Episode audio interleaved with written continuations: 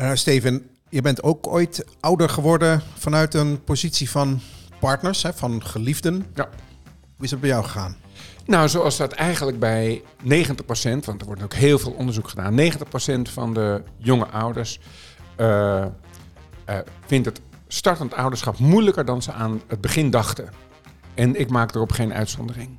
Ik dacht ook, het wordt ingewikkeld, maar het woord doorwaakte nacht is wat anders dan de doorwaakte nacht zelf. En uh, dat je zo aan de beurt bent, hè, dat, zeker in die beginperiode, dat je je zo over moet leveren aan de situatie, uh, vond ik ook niet makkelijk. Eigenlijk gewoon een, we hebben het eerder over gehad, een crisis. Ja, inderdaad. Je gaat over dus, van de ene naar de andere fase. Ja, en ja. dat is gewoon een crisis. Ja, en in die volgende fase liggen ook inderdaad weer allemaal nieuwe ontwikkelingstaken. Uh, en dat is een hele goede vergelijking, dat je inderdaad in een volgende fase met elkaar terechtkomt. En daar is die crisis, uh, ja, die hoort daar, ook hier hoort die daarbij. Ja. Oké, we gaan het vandaag hebben over uh, ouders en partners. En hoe je, als je ouder bent, ook nog een beetje partner kan blijven. Je luistert naar de 018 Benners en Pondcast. De podcast over de ontwikkeling van kinderen tussen de 0 en 18 jaar. De podcast wordt gepresenteerd door twee vaders. Steven Pont, ontwikkelingspsycholoog en systeemtherapeut, oprichter van het internetplatform 018. En voormalig journalist Martijn Bennis, tegenwoordig directeur van het ANP.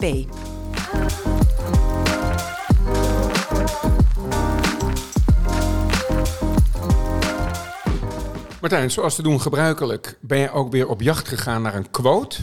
Heb je er eentje gevonden? Ja, en nu komt hij niet uit een geschrift, uh, maar uh, van mijn partner, Gaby. En uh, zij zei, terugkijkend op onze start als ouders, zei van, we zijn, waren eigenlijk gewoon twee stagiairs in een duobaan. Ja zoek het, zoek het lekker uit. Ja. Er is niet heel veel stagebegeleiding. Of, dus die podcast van deze, van, van ons hadden we nog niet, zullen we maar zeggen. Ja. Dus uh, heel veel zelf ontdekken. En ja. dat is natuurlijk een enorme zoektocht. Ook een beetje een, ja, van de ene naar de andere crisis. Maar proberen je zo vrolijk mogelijk te doen. Ja. Nou goed, is heel veel mensen gebeurt het. Hè. Ze, ze worden verliefd, ze hebben verkering. En, ze, en op een gegeven moment gaan ze een stapje verder en dan gaan ze kinderen maken. Um, ja, dan gaan ze is dat goed begrepen? Ja, dat is een heel goed begin. Uh, in ieder geval proberen. Maar goed, ze gaan kinderen krijgen en ze worden ouders. En nu hebben we de crisis te pakken. Hoe, hoe, hoe moet ik het zien? Nou, omdat je op een hele andere manier eigenlijk tegenover elkaar komt te staan. Dus dat je hele goede partners bent, wil nog niet zeggen dat je ook hele goede ouders bent.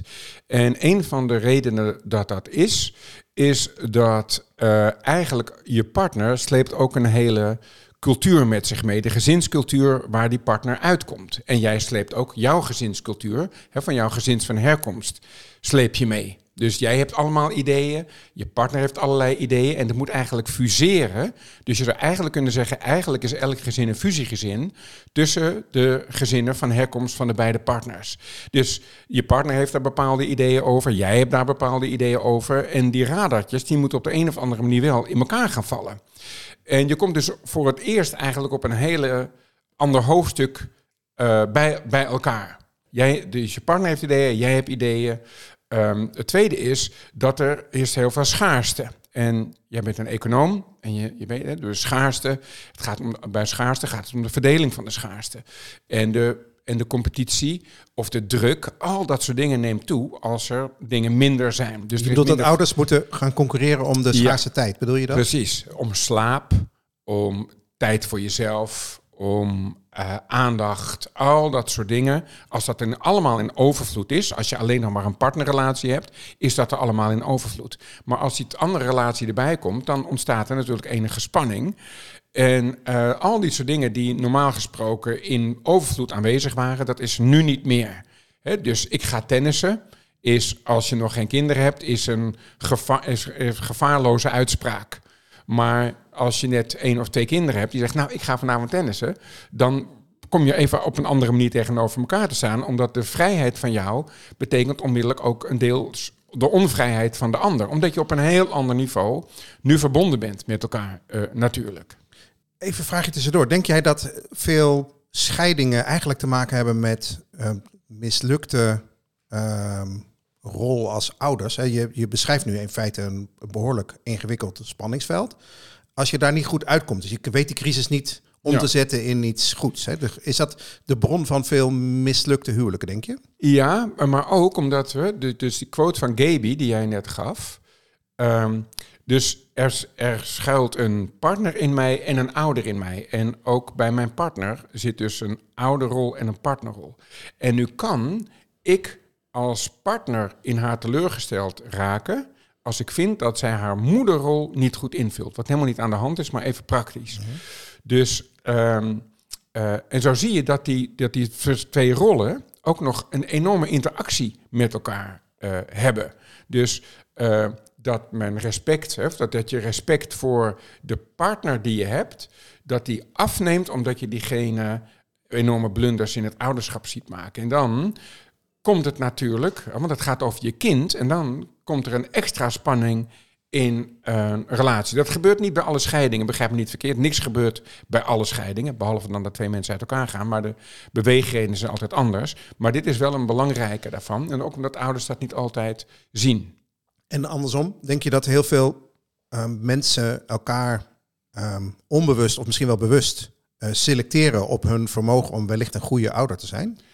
Ja, omdat we weten dat, uh, we zeggen wel eens dat uh, tegengestelden elkaar aantrekken. En dat klinkt aardig, maar dat is helemaal niet zo. dus je, ook in je, in je vriendengroep ben je toch altijd een beetje op zoek naar delen van jezelf. Die je gevoed wil zien of die je erkend wil krijgen. Of, dus je zoekt toch een beetje naar je eigen soort vaak.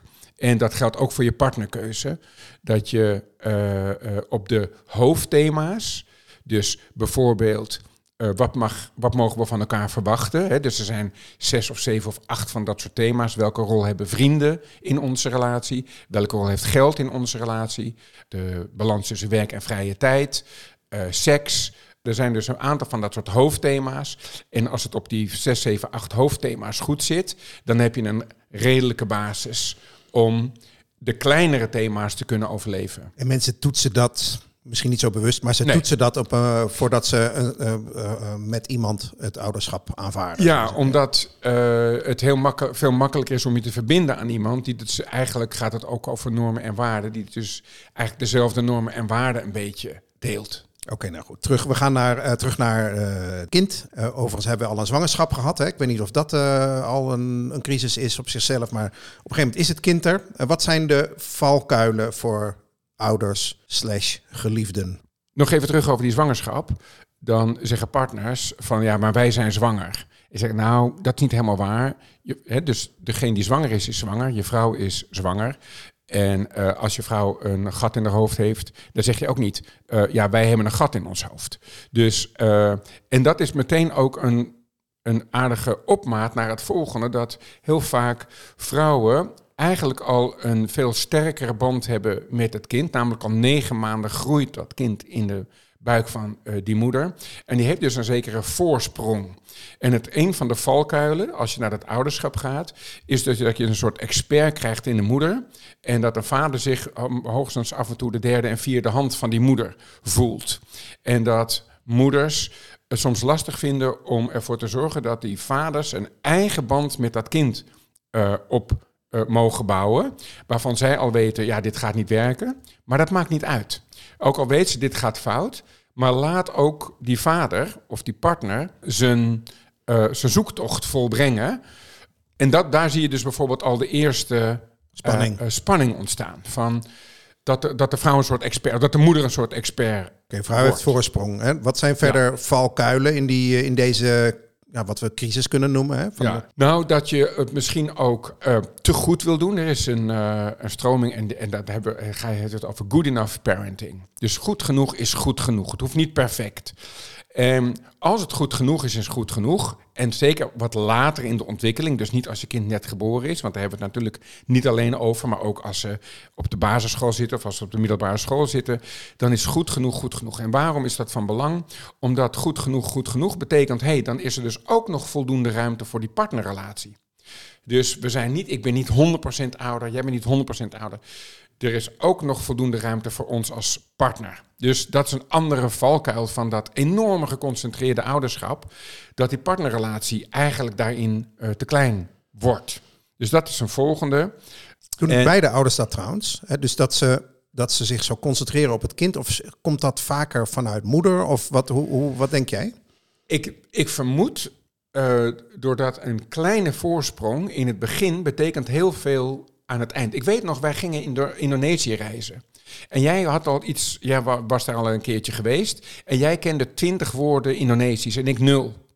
En dus betekende dat dat zodra we uit het vliegtuig kwamen, dat uh, jij eigenlijk de expert werd. Dus jij zat, uh, jij ging praten met de taxichauffeurs. Daar pikte jij weer drie woorden op. Ik, ik, ik niet. Dus, dus uiteindelijk kom je in een soort expertgebied terecht. Dus als we dat nu over zouden moeten doen, zou ik zeggen: ik wil net zoveel woorden Indonesisch kennen als jij kent. Hè? Dan, dan hebben we een gelijke start. En, dan, en ook voor jou was dat veel fijner, omdat jij werd op een gegeven moment een beetje de reisleider, omdat jouw Indonesisch gewoon beter was. Maar dat was een heel klein verschil in het begin. Maar omdat we daar niet. Jij zat op de achterbank. Ik zat steeds op de achterbank. En, en jij leerde er steeds meer. En ik eigenlijk steeds minder. En je kreeg dus een rare specialisatie. En een beetje scheefgroei daardoor. Uh, wat mij prima uitkwam, maar jij werd inderdaad een soort reisleider.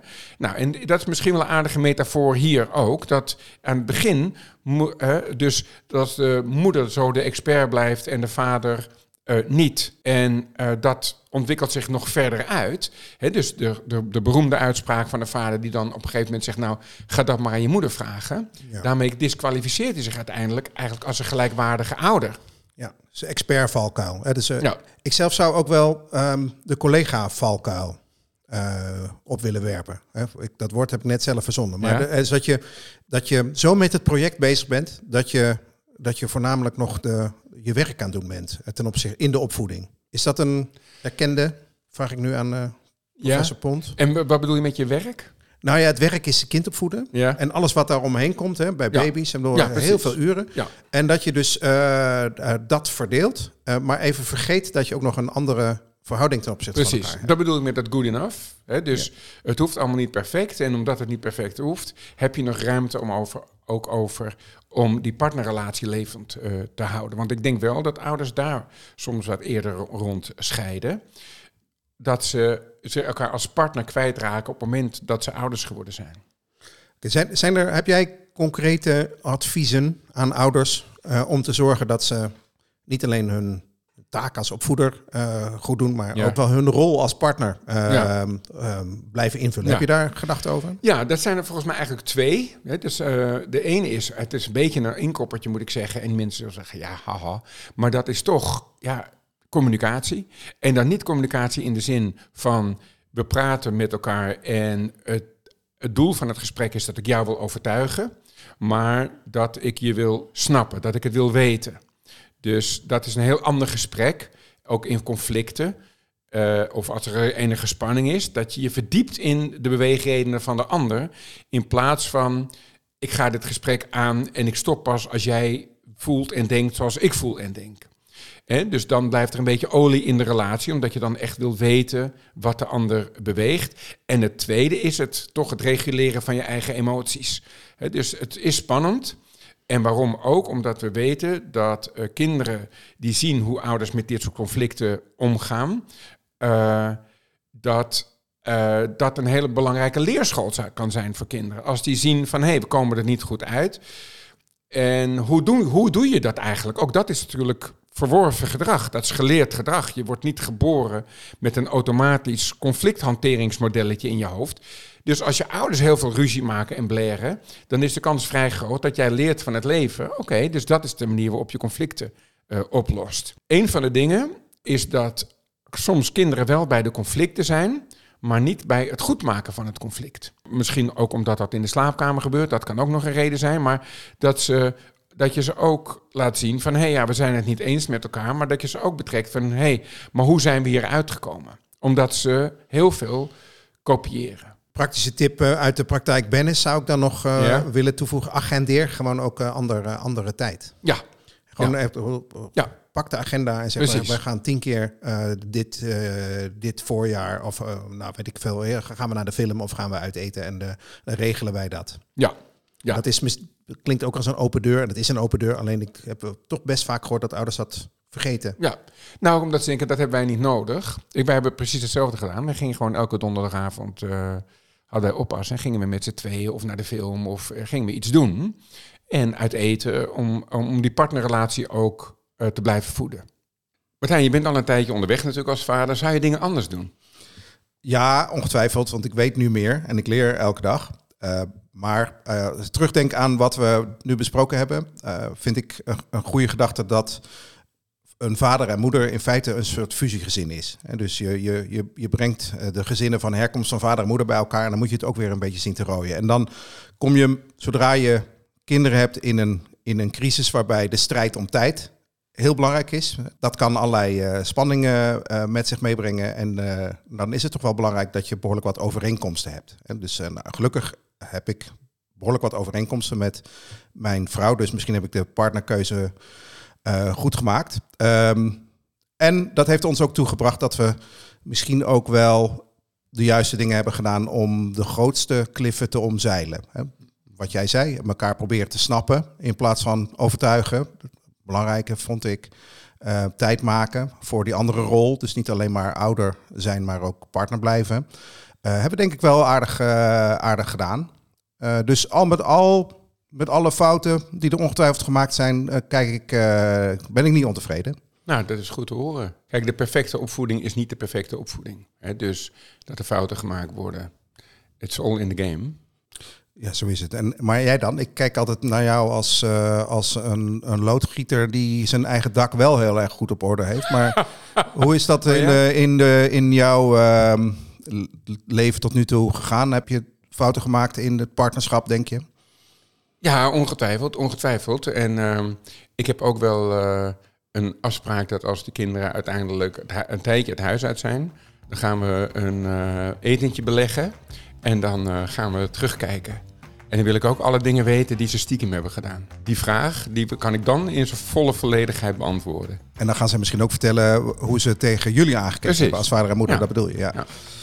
Oké. Ja, dus die geheimen. Daar ben ik, ben, aan allebei ben ik, nieuwsgierig, ben ik nieuwsgierig naar. Nou, misschien moeten we daar dan uh, Tegen ook een keer een keer ja. podcast ja. over Ja. Dankjewel. Je hebt geluisterd naar de 018 Bennis en Podcast. Heb je vragen of suggesties? Mail dan naar podcast.018.nl. 018 schrijf je als NUL en dan het getal 18.